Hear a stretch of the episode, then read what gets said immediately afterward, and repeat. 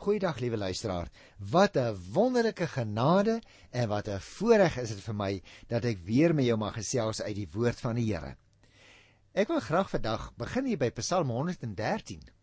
Nou jy onthou dat ek al 'n vorige keer vir jou gesê het Psalm 111 tot by Psalm 118 word eintlik genoem Halleluja Psalms. En die rede is natuurlik omdat 'n mens die uitdrukking prys die Here 'n hele paar keer in hierdie psalms sien. Psalm 113 begin dan ook sommer so: Prys die Here. Nou kom ons gesels eers 'n bietjie oor hierdie 113de Psalm, want is 'n baie interessante gedeelte wat ons hier in die Here se woord het.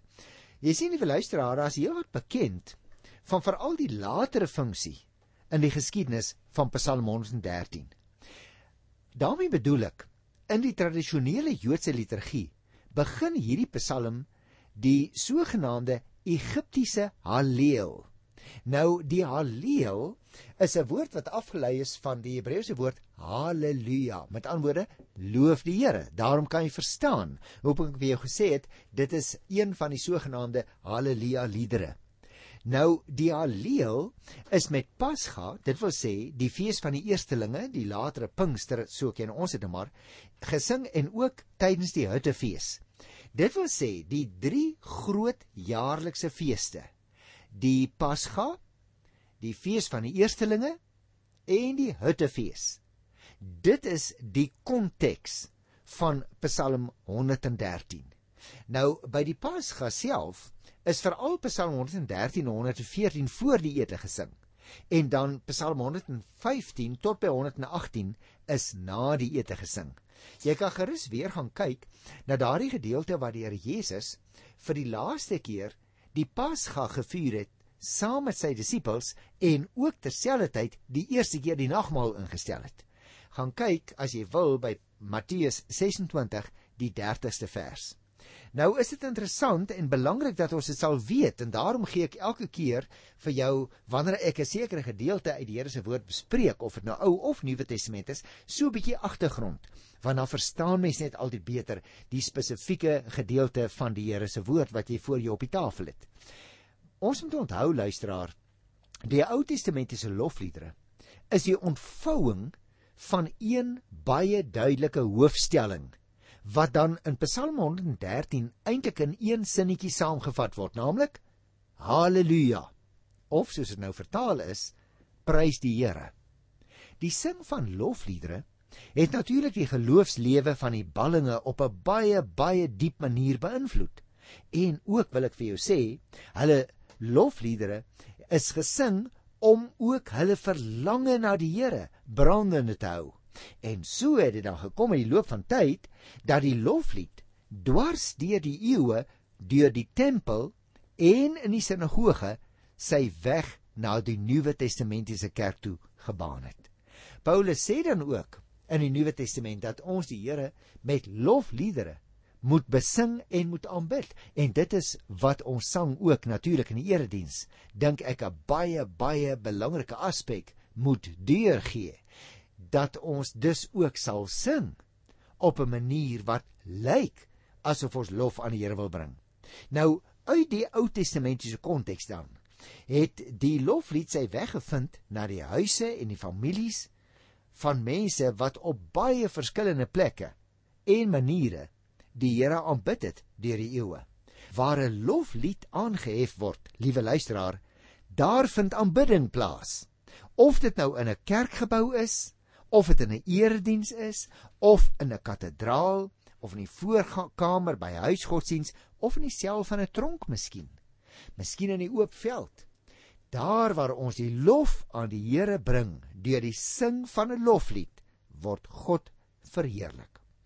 Psalm 113 se bedoeling is juis om ons tot aksie aan te spoor om aan die verstotenis in die samelewing 'n hawe te gee, 'n woning te verskaf om te sê kom saam want in die teenwoordigheid van die Here daar waar sy lof besing word daar is jy ook baie welkom. En daarom moet jy en ek ook bewustelik aan die inhoud van hierdie loflied baie spesifiek aandag gee. Ek wil dus eers net die eerste 3 versies van Psalm 113 met jou bespreek. Ek hoop, liewe luisteraar, ek hoop jy word ook nooit moeg om te kyk wat staan daar in die Bybel en dan jouself af te vra, nou maar wat wat wil dit nou vir my sê? Kom ek lees hierdie eerste 3 versies in Psalm 113 na gesels ons daaroor. Prys dienaars van die Here. Prys die naam van die Here. Die naam van die Here moet geloof word nou en vir altyd. Van waar die son opkom tot waar dit ondergaan, moet die naam van die Here geprys word. Het jy opgemerk wie dit is wat almal opgeroep word om die naam van die Here te prys, luisteraar? Al die dienaars van die Here word opgeroep om sy naam te prys. Nou natuurlik, ek dink ons weet dit almal teen hierdie tyd, in die Ou Testamentiese konteks was die dienaars van die Here nie net die priesters en die leviete nie, maar almal wat hom gedien het. Dus alle gelowiges. Daarom as hulle opgeroep word in die Ou Testament om die Here te dien, dan sluit dit ook vir jou vir my in. Dan wil ek ook graag hier agter die mikrofoon waar ek sit, die roepstem van die digter as dit ware tot my persoonlik hoor kom wat sê kom kom ons aanbid kom ons prys die Here alle gelowiges en dan sê ek ek is deel daarvan eintlik moet die hele wêreld natuurlik deelneem aan hierdie lied volgens uh, die derde versie. Maar gaan naby nou nou kom nou en vir altyd. Luister dus weer 'n keer na vers 3 daar is oorvloed en rykdom in sy huis. Wat hy doen is reg en blywend. En dan in die 4de vers gesê, hy laat sy lig opgaan en die duister uitstraal vir die opregtes. Hy's genadig, barmhartig en regverdig. Dit is 'n goeie mens wat hom ontferm en wat uitleen en aan al sy sake reg optree. Nou as jy nou 'n definisie as dit ware wou gehad het van wie is nou 'n goeie mens? Dan sê die Bybel dit hierso. Dis 'n goeie mens wat hom ontferm en wat uitleen en in al sy sake reg optree. Dis baie belangrik dat uh, mense die voorreg het in ons tyd, dit wil nou sê, lyk dit vir my as hulle vaste inkomste het of sekere bates, dat hulle by die bank kan leen. Maar hier staan iets anders. Dit is 'n goeie mens wat hom ontferm en wat uitleen. As ons dus nou kom hier by die eerste versies van Psalm 113 want ek het nou net gou 'n oombliekie aangehaal uit Psalm 112, dan staan hier basies dieselfde ding. Prys dienaars van die Here, prys die naam van die Here. Die naam van die Here moet geloof word nou en vir altyd. Van waar die son opkom tot waar dit ondergaan, moet die naam van die Here geprys word dit is dus baie belangrik dat ons ook sal besef, liewe luisteraar, 'n mens moet die Here nie net op een ou plekjie wil aanbid nie. Of dit nou in die tempel was in die Ou Testamentiese tyd, of dit in die erediens is, oral van waar die son opgaan tot waar hy ondergaan, kan die Here regtig maar geprys word. Die heerskappy van die Here strek dus oor hemel en aarde. En daar is niemand, liewe luisteraar, soos hy nie. Al woon die Here hoog in die hemel, sien hy tog alles wat hier op die aarde gebeur raak. En daarom kom ons gaan verder. In vers 4 tot by vers 6 kry ons 'n ander oproep en 'n uitspraak. Hy sê: "Hoog bo al die nasies heers die Here. Sy mag strek selfs oor die hemele.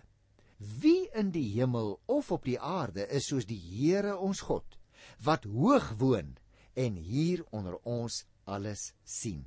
Natuurlik, dit is nou 'n vraag, maar jy en ek sou dit positief wou beantwoord en sê, hoor hier, daar is niemand in die hemel of op die aarde wat uh, kan vryspring dit wat in die skopus van die Here se oog kom nie. Die Here sien verseker alles raak. En dit bring my dan by die laaste gedeeltjie van Psalm 113, vers 7 tot by vers 9. Luister. Die geringe word deur die Here opgehef uit die stof Die arme laat hy van die ashoop af opstaan om hom by die vernames te laat sit. By die vernames van sy volk. Aan die kinderlose skenk die Here 'n huisgesin. Sy word 'n gelukkige moeder van kinders. Prys die Here. Dis my baie interessant dat hier na vore kom, liewe luisteraar, want hier sê die digter die belangrikste weldaad van die Here waaroor die hele aarde hom moet prys, is sy sorg vir wie? sy sorg vir die geringe en die behoeftige. Nou hierdie deel herinner 'n mens natuurlik sterk aan die loflied van Hanna.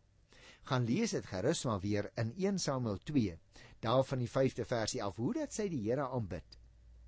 Jy kan dit ook gaan kyk in Lukas 1 by die 46ste vers, want ons kry meer as een vrou wat die Here so aanbid het. Ek gaan liewer nie vir jou sê wie dit is wat hom so aanbid het in Lukas 1 by vers 46 nie. Gaan kyk gerus in die Nuwe Testament. Met ander woorde, soos die meeste ander haleluja psalms sluit ook Psalm 113 af met 'n oproep: Prys die Here. En dit bring ons dan by Psalm 114. Die opskrif daarvan in die Afrikaanse teks is: Die aarde moet bewe as die Here verskyn. Nou ons het hierdie gedagte natuurlik al van tevore ook teëgekom in die Bybel. En dit was daaruit duidelik dat die stem van die Here is eintlik ook 'n versinne beelding van sy krag. Want die stem van die Here breek die seders. Onthou jy nog toe ons oor daardie beelde gepraat het? Nou as ons nou by Psalm 114 kom, dan wil ek dadelik sê luisteraar, het ons te maak met een van die sogenaamde geskiedenispsalms. En hierdie psalm wys dan ook heen na sekere historiese gebeure in die verhale van oud Israel.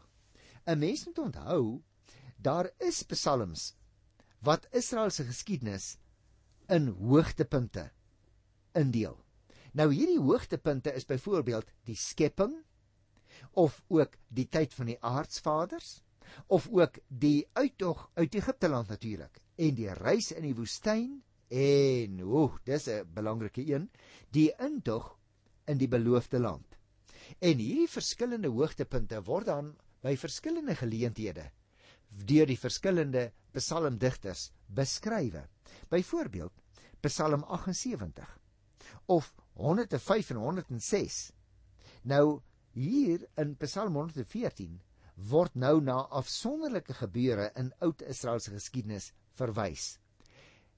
Ons moet onthou die geskiedenis wat vir hierdie mense baie baie belangrik.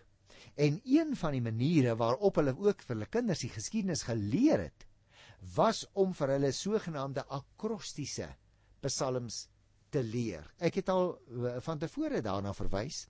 Akrostiese psalm, liewe luisteraar, is 'n psalm waarin elke eerste woord in 'n sin begin met 'n alef of 'n a, 'n beet, die volgende sin of 'n b of 'n dalet, die volgende sinnetjie of 'n c. Met ander woorde, die kinders het baie makliker die alfabet geleer omdat dit kort was. En nou word aan die alfabet se letters een vir een 'n bepaalde historiese gebeurtenis verbind.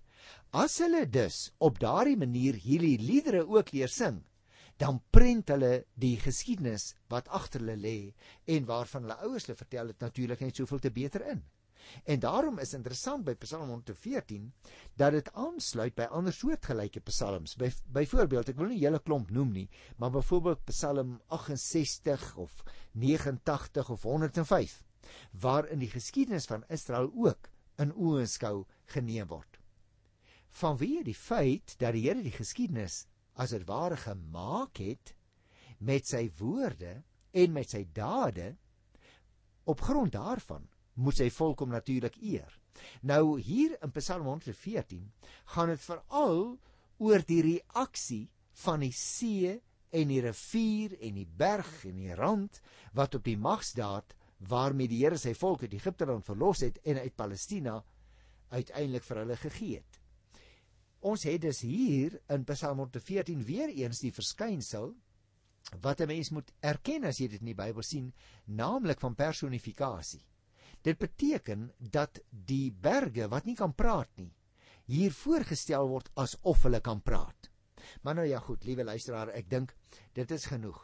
Waaroor gaan Psalm 114 spesifiek? As as ek dit nou vir jou so 'n bietjie mag opsom in 'n paar sinne, dan sou ek wou sê, uh ons kan Psalm 114 beskryf as 'n baie baie pragtige gedig, maar ook 'n heel kort gedig. Want jy sien die 8 verse van Psalm 114 word verdeel in 4 gedeeltes, elkeen met 2 versreëls elk. Die gedig is op 'n baie interessante manier opgebou wat eintlik parallelle is. En hulle word dan omraam deur 'n inleidende gedeelte en 'n slotgedeelte wat natuurlik daar van die 7de vers af die klimaks van die Psalm gaan vorm. Maar kom ons kyk nou die inleidende gedeelte by die eerste 2 verse. Ek lees dit by Psalm 114. Toe Israel uit Egipte getrek het, toe die nageslag van Jakob getrek het, weg van die volk met die onverstaanbare taal af, het Juda sy gewyde besit geword en Israel sy magsgebied. Interessant. Hoe dit 'n mens hier in die inleiding van Psalm 114 sien. Die digter verwys so bietjie spottend wil ek amper sê na die Egiptenare van destyds, want hy verwys na hulle as die mense met die onverstaanbare taal. Want ons moet onthou, die klomp Jode het ter midde van hulle verdrukking in Egipte land destyds, het hulle steeds hulle taal gehad. Dit is ook maar soos Afrikaner mense wat in moeilike omstandighede was by tye, maar die taal word juis in sulke tye vir 'n mens baie baie belangrik. En daarom is daar ook vandag nog groepe en tereg ook so in ons land wat 'n eie identiteit as dit ware het deurdat hulle 'n baie spesifieke taal praat. En dit moet ons ook vir mekaar gun in hierdie reënboognasie met sy baie bevolkingsgroepe wat elkeen 'n eie spesifieke taal praat. Nou goed, ek het gesê daar is ook tussengedeeltes in Psalm 114 en vers 3 en 4 vorm so 'n uh, ek wil amper vir jou sê dis 'n eintlike uh, klein selfstandige tussenstuk. Kom ek lees dit, vers 3 en vers 4. Die see het dit gesien en op die vlug geslaan. Die Jordaan het teruggedraai, die rande soos lammers. Jy sal nog onthou toe ons die uittog geskiedenis behandel het Liewe luisteraars, as jy gereeld luister, in die uittog geskiedenis is daar veral twee natuurwonders wat elke keer na vore gekom het, naamlik aan die een kant die deurtog deur die Rietsee, gaan kyk maar weer 'n keertjie as jy wil in Eksodus 14 en 15, en dan natuurlik net daarna verwante deurtog deur die Jordaan, waarvan ons lees in Joshua by die 3de hoofstuk. Dan moet ons ook nog onthou die Here het nie net magtige dade aan die gelowiges bewys deur hulle op wonderbaarlike maniere te laat uittrek uit Egipte en ook weer te laat intrek in die beloofde land toe die Jordaanrivier gekloof is nie. Maar hy het hom ook op 'n besondere manier langs die pad aan hulle bekend gemaak by Sinai. Gaan kyk wat die verhaal en die wette wat hulle daar gekry het in Eksodus hoofstuk 18 19 en selfs 20 En die een natuurwonder wat toe daar plaasgevind het was dat die berg gebewe het. Onthou jy dit nog? Dat dit dus as dit ware rond gespring het soos lewenslustige lammetjies uit die kraal. Het jy al gesien? Ek, onthou nog my oupa is nou al jare oorlede, maar hy daar in die Karoo geboer, pragtig daai wye oop vlaktes. Die van julle wat uh, daar woon, tel julle seëninge hoor, maar dit net so te snakies. En daar het ek gesien as kind natuurlik, uh, oop mond gestaan en gekyk as die bokke wat my oupa elke aand in die kraal ingejaag het, dan het hy ons wakker gemaak en vroegoggend moes ons weer saam met hom uitgaan na die kraal toe om te kyk hoe dat die bokke wanneer die kraal se hek oopgaan, begin bok spring. Dit lyk eintlik vir jou dis blydskap wat hulle het dat hulle nou weer 'n bietjie in die veld vrylik kan uitstap om te gaan vreet. Maar goed, kom ons lees hier by 114 nou ook vers 5 en vers 6. Wat is dit met jou, see, dat jy op die vlug slaan? Wat is dit Jordaan dat jy terugdraai? Berge dat julle soos ramme rondspring en julle rande soos lammers. Jy sien, die digter is besig om met hierdie plastiese beeld wat hy gebruik, nog so bietjie verder te loop hier in Psalm 114. Hy sê dit is asof hy wil spot met hierdie natuurelemente oënskynlik is hulle so goed gevestig en georden en wat nou soos mense, veral sondaars en goddelose, reageer. Hulle bok spring as dit ware van vreugde wanneer hulle sien wat die Here doen. En luister nou na vers 7 en vers 8. Bewe aarde as die Here verskyn, as die God van Jakob verskyn, hy wat rots in waterkuile verander, harde klip en fonteine. Hy sê dis hierso vir ons die rede vir hierdie vreemde optrede van die natuurkragte vir die diere is geleë in die verskyning let op in die verskyning van die Here.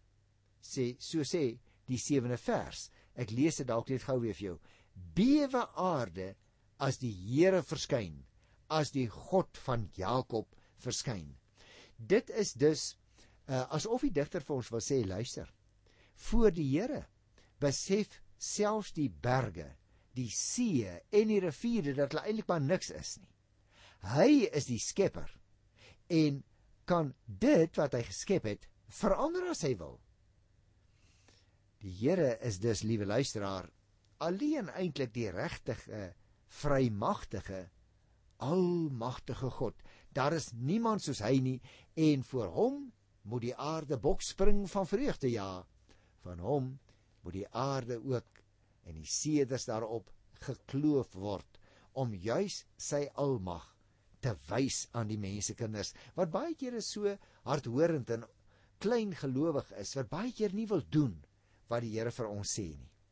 Nou mag jy my vra, wat is nou die eintlike betekenis van Psalm 114? En ek sou dit soos volg bietjie wou saamvat, liewe luisteraar, want dit is vir ons regtig 'n baie relevante betekenis, juis omdat dit die uitdagende bevrydingstema behandel. nou ja. Jy sal weet uitdagende bevrydingstema het in ons land baie sterk politieke konnotasies. Maar hier gaan dit oor die bevryding van slawerny. En liewe luisteraar, vir sommige mense in ons land was 'n stuk van die geskiedenis ook as dit ware soos 'n stuk slawerny waarin hulle verkeer het. En daarom moet ons ook begrip hê vir mekaar of jy deel is van daardie groep en of jy die voorreg gehad het om nie deel daarvan te wees nie. Maar Psalm 114 is dus vir ons baie baie aktueel. Dit dwing almal van ons om vars oor verlossingswerk en bevryding te dink. Dit stimuleer 'n mens tot 'n totale herbesinning in 'n tyd van hernuwing na stagnasie van vorige dekades en geslagte. So daardie dinge wat gebeur het, hoe donker dit ook al is, dit is geskiedenis. Dit geld dus politieke en godsdienstige vernuwing wat van ons gevra word in ons denke. Die Here en so natuurlik ook Jesus van Nasaret bring altyd radikale vernuwing in die gemeenskap en in die gemeente. Ons moet dus versigtig wees om teenstanders te wees van verandering en van vernuwing. Want jy sien luisteraar, die Here laat die skepping bewe van angs of dans van blydskap want hy daag alle gemeenskappe ook uit soos gode as dit ware hier in Psalm 114 gedoen word. Ek wil afsluit deur vir jou te sê ons moet natuurlik elke een van ons moet in gedagte hou dat die radikale en ook die nuwe weer oud word en om vernuwing roep. Jy sien ons begin soms met vernuwing in 'n gemeente of 'n huishouding of sê net maar in 'n skool. Maar na die tyd raak ons bietjie traag. Want ons is half gewoond al aan hierdie vernuwing. Daarom hartsvernuwing, luisteraar, moet ook weer telkens plaasvind. Dit beteken ek hoef noodwendig van voor af elke keer tot bekering te kom nie, maar dit beteken dat ek juis in my hartehorendheid, in my ongehoorsaamheid baie kere teruggeroep moet word om weer 'n keer opgeroep te word tot geestelike hernuwing. En dis soms baie moeiliker nie waar nie. En sodoende behou die Psalm dus altyd sy vernuwende funksie. Mag ek dit saamvat? Ek ken nie jou persoonlike omstandighede nie, liewe luisteraar, maar ek wil vir jou waarsku aan die een kant wees versigtig vir stagnasie. Vasval in die ou groewe net elke môre die dinge weer doen soos gister. Nee. Nee, kom ons lei die vernuwingslewe elke dag. Ja, ek wil dit eintlik so sê. Kom uit jou geuitheid uit. Kom uit jou gemaksone uit, liewe luisteraar, en dien die Here in vryheid. En dan sal mense in jou blydskap en vreugde ook iets leer. Dalk vryf dit op hulle af oor die blydskap oor God se genade werkinge in jou en my lewe. Tot volgende keer. tot ziens.